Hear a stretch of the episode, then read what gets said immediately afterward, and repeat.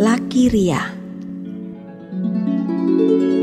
Cerpen Daing Malik. Narator Indah Darmastuti Suara kentungan dipukul bertalu-talu memenuhi setiap penjuru kampung. Suara itu sampai ke rumah-rumah, menyelinap masuk ke bilik, membangunkan bayi lelap dalam dekap ibunya. Suara itu mengambang di udara, terbawa angin hingga ke lereng-lereng bukit, mengagetkan kawanan menjangan asik bersantap di antara rerimbun belukar.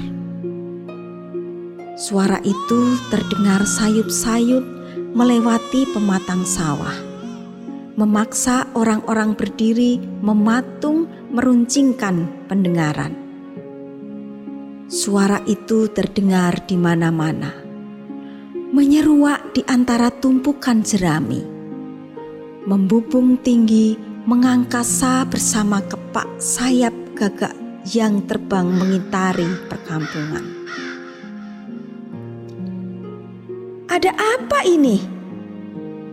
Teriak seseorang pada yang lainnya. Entahlah, tapi ini pasti pertanda telah terjadi sesuatu. Jawab perempuan paruh baya di sampingnya. Iya, betul.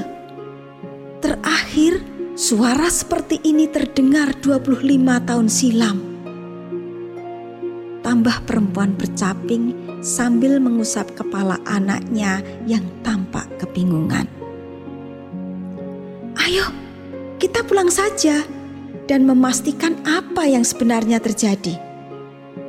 Ajak perempuan paruh baya sembari membersihkan lumpur di kakinya dengan air yang menggenang di sudut pematang. Lalu berdatanganlah orang-orang dari setiap penjuru kampung. Asap kecil masih mengepung. Lalu berdatanganlah orang-orang dari setiap penjuru kampung. Asap kecil masih mengepul dari sisa bara-bara di tungku-tungku yang dimatikan paksa dengan disiram air. Suara kambing mengembik melengking karena dipaksa pulang, menambah keriuhan sore itu rumah-rumah ditinggalkan begitu saja oleh penghuninya dengan pintu dan jendela terbuka. Derap langkah menyatu dalam irama menuju arah sama. Tak ketinggalan pula, seorang yang berada di ketinggian memetik buah kelapa. Buru-buru turun lalu bergabung dengan gerombolan orang yang melintas di jalan setapak depan rumah meninggalkan buah kelapa bergelimpangan tak jauh dari kandang sapi. Orang-orang berjejal memenuhi halaman rumah yang dipagari pohon-pohon kelapa gading di kanan dan kirinya. Dua pohon mangga mengapit pohon asam menjulang menjatuhkan bayangannya tepat di depan rumah. Wajah-wajah penuh keluh dan peluh, saling bersitatap melemparkan tanda tanya. Dada mereka dirambati penasaran. Namun tak seorang pun sanggup bersuara. Seketika kentungan berhenti dipukul. Seorang perempuan bertubuh subur dengan susah payah naik ke sebuah tempat mirip panggung kecil seukuran dua rentang lengan dewasa. Saudaraku, musibah besar telah datang. Suaranya yang gemetar tiba-tiba tercekat. Suasana berubah hening. Angin yang sedari tadi mengajak dedaunan bergoyang, kini beku ditelan sunyi Sekawanan burung gereja hinggap di dahan pohon asam. Bisu dalam senyap yang pekat. Orang-orang berdiri mematung. bersikeras menelan suara masing-masing. Satu-satunya suara berasal dari bilah bambu yang berderik seakan tak mampu menopang getaran tubuh yang menjejaknya. Tubuh gemetar itu mulai goyah, dihempas gejolak rasa berkecamuk. Lakiria telah mangkat ucapnya serak sambil mengatupkan dua kelopak matanya. Hening berubah kelam. Semua mata terpejam dalam diam. Lamat-lamat bah yang menggenang dalam kalbu meluap menjelma mata air. Suara yang sedari tadi tertahan tak sanggup dipendung lagi Pekik tangis menggelegar, memecah senyap.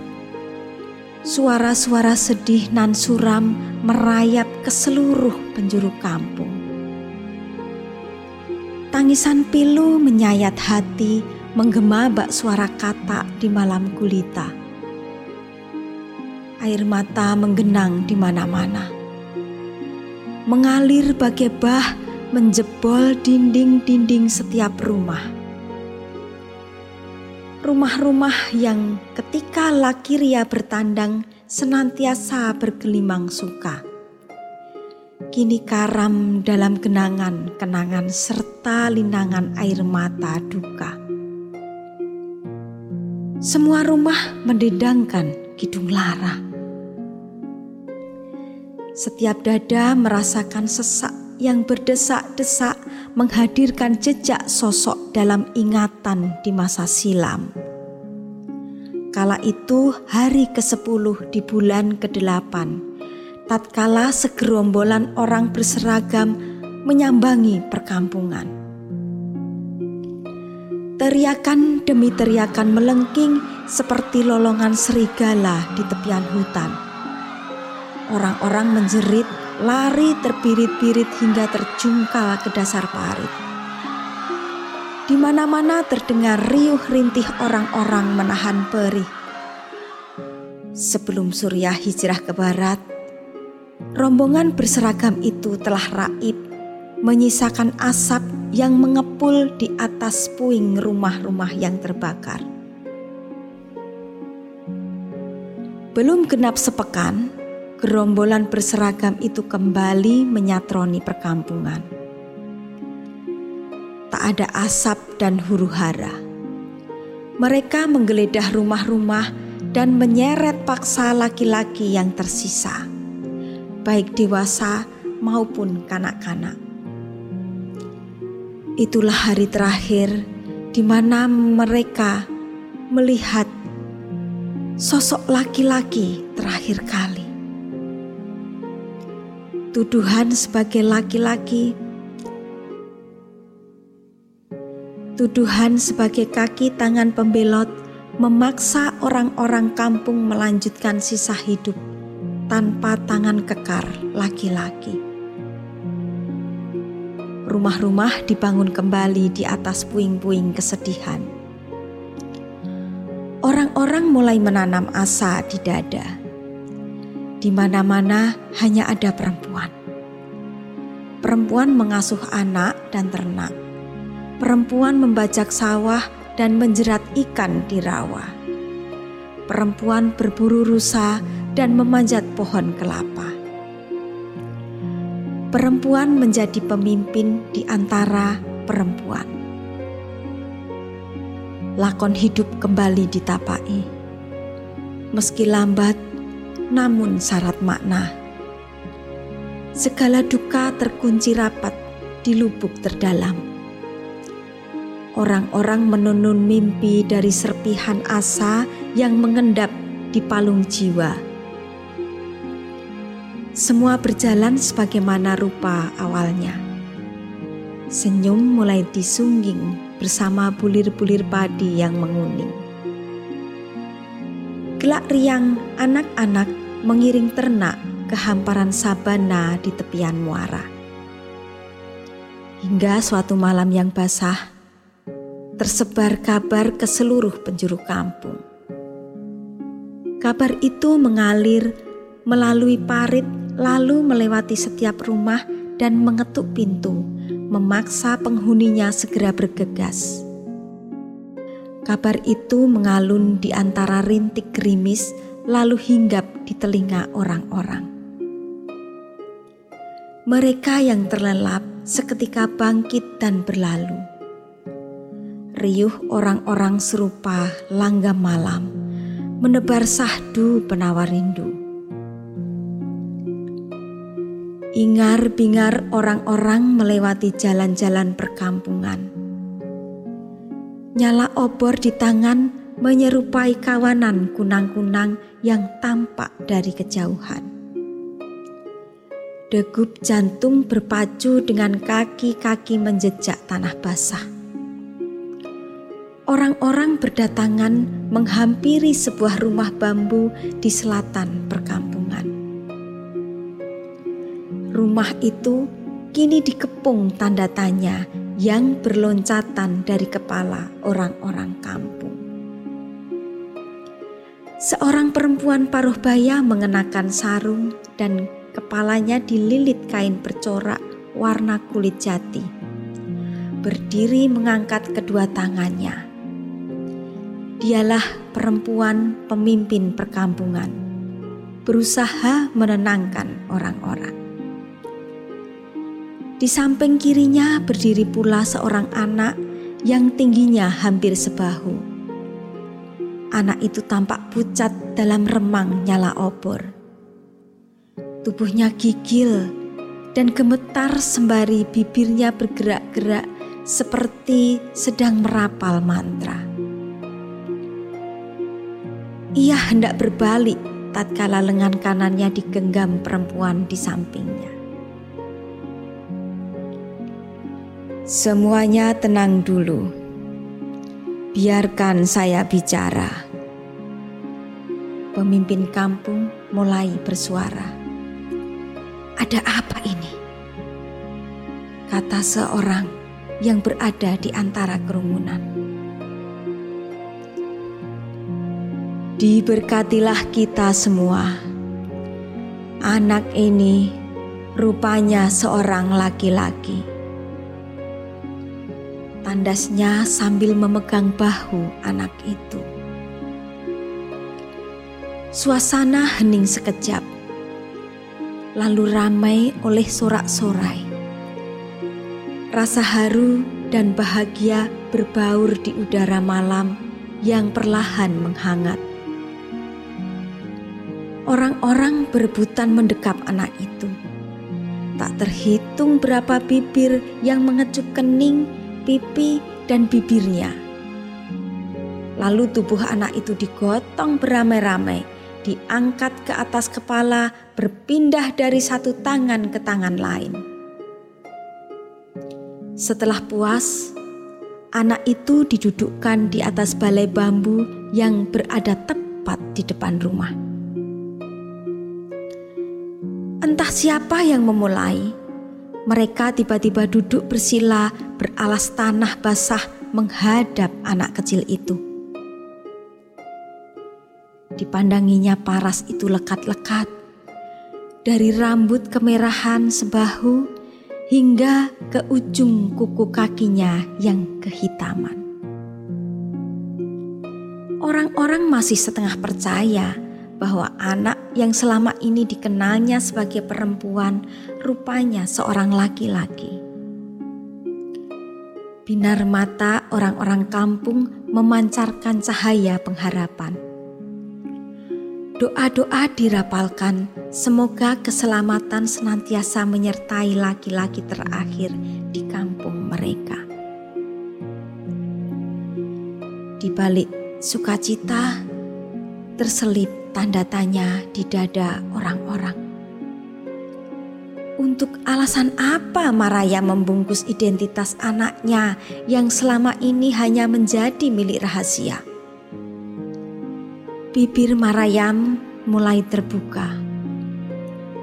Perempuan kurus yang tak banyak bicara semenjak suaminya dibawa pergi gerombolan berseragam, kini angkat bicara. Kata-kata yang selama ini hanya mendekam di bilik bibirnya, kini berhamburan keluar menjawab rasa penasaran orang kampung. Diterangkannya bahwa semenjak dua laki-laki terdahulunya meninggal di usia bayi, ia mulai mendandani bayi ketiganya layaknya perempuan. Mitos itu rupanya berhasil. Terbukti anaknya yang sehari-hari dipanggil Ria itu tetap hidup hingga kini. Misteri kini telah terkuak Bermula saat sore, selepas bermain hujan, Ria berganti pakaian di belakang gerumbul bambu. Lalu tak sengaja, Amina yang hendak pula berganti pakaian menyaksikan pemandangan yang tak lazim itu. Darah Amina berdesir terserang kaget. Memaksa kakinya berlari sekencang-kencangnya menyibak tirai-tirai hujan. Dadanya turun naik memompa kata-kata yang tersumbat di kerongkongannya tatkala menerangkan pada pemimpin kampung perihal apa yang dilihatnya. Pemimpin kampung lalu berkirim kabar ke setiap rumah agar berkumpul selepas santap malam di rumah Maraya. Itulah hari di mana laki Ria ditemukan. Sejak malam itu, Ria berganti nama menjadi laki Ria dan didaulat menjadi orang terpenting sekampung.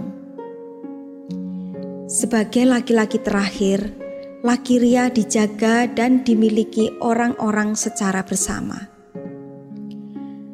Segala macam kebutuhan hidup menjadi tanggungan orang-orang, termasuk rumah besar yang terbuat dari pohon jati pilihan dan dibangun di tengah perkampungan. Laki Ria menjelma sosok teristimewa. Ia hidup dan menghidupi harapan orang-orang kampung. Ketika berumur 17 tahun, Laki Ria menyandang status baru perempuan berumur di atas 40 tahun mengangkatnya sebagai anak. Mereka yang berusia 17 hingga 40 tahun mendapat hak untuk dikawini dan menyandang status istri laki ria. Lalu mereka yang muda-muda tetap berbangga sebagai adik-adik laki ria dan sabar menunggu sampai mereka pun berubah status peraturan baru nan aneh ini hasil dari mufakat orang-orang kampung demi memperpanjang usia perkampungan. Jumlah istri laki Ria tak pernah berhasil dihitungnya. Mungkin melebihi domba dan kambing yang dimilikinya. Hal demikian memaksa laki Ria berpayah-payahan mendatangi rumah istri-istrinya. Hingga bertahun-tahun hal itu dilakoninya.